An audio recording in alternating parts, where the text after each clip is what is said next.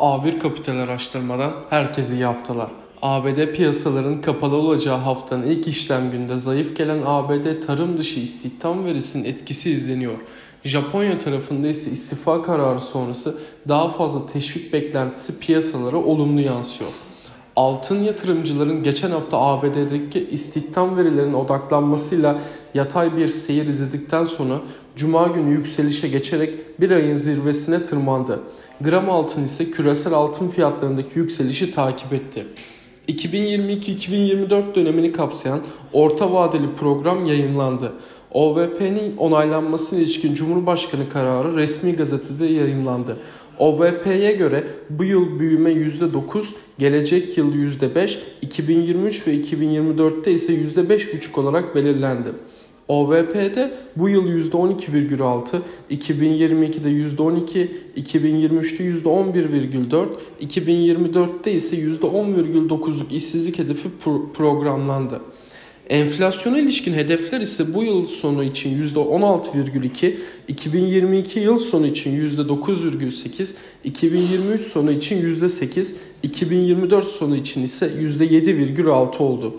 Orta vadeli programda cari açın gayri safi milli hasıla oranı bu yıl için %2,6, 2022 için %2,2 olarak öngörülürken bu oran 2023 için %1,5, 2024 için ise %1 oldu.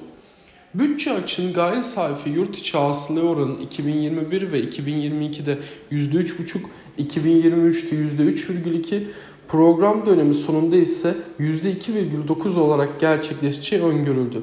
İhracatın 2021 sonunda 211 milyar dolar seviyesinde gerçekleşeceği tahmin edilirken 2022'de 230,9 milyar dolar, 2023'te ise 242 milyar dolar, program sonunda 255 milyar dolar olması hedeflendi.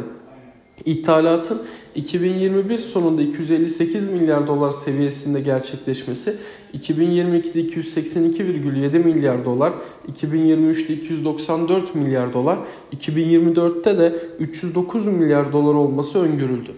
Veri gündemine baktığımızda ise yurt içinde Türkiye Cumhuriyet Merkez Bankası aylık fiyat gelişmeleri raporunu yayınlayacak. Raporda cuma günü açıklanan enflasyon verileri değerlendirilecek. Cumhurbaşkanlığı kabinesi Cumhurbaşkanı Recep Tayyip Erdoğan başkanlığında toplanacak. Gündemde koronavirüs, Afganistan ve ekonomi olacak. Yurt dışında ise Avrupa açılışında Almanya'da gelecek olan fabrika siparişleri verisi takip edilecek. Siparişler Haziran ayında bir önceki aya göre %4,1 artış göstermişti. Temmuz ayı için piyasa beklentisi %1 düşüş yönünde oluştu. Euro bölgesinde yatırımcıların piyasa güvenini gösteren Sentix yatırımcı güven endeksi verisi gelecek. Sentix endeksi Ağustos'ta 22,2 puan olarak açıklandı. ABD piyasaları işçi günü nedeniyle kapalı olacak. BIST 100 endeksine baktığımızda ise geçtiğimiz haftayı kısa vadede kritik olan 1465 desteği üzerine kapattı. Bu seviye üzerinde kalıcılık sağlandığı sürece yukarı yönde fiyatlamalar devam edebilir. 1470 seviyesi üzerinde geri dönüş ve üzerindeki kapanışlar ise endekste kısa vadede 1500-1520 yönelim hareketi görülebilir. Seans içi olası geri çekilmelerde 1465 ara destek ve 1448 seviyesi ana destek ve stop loss olarak takip etmeye devam ediyoruz. Herkese bol kazançlar, pozitif kalın.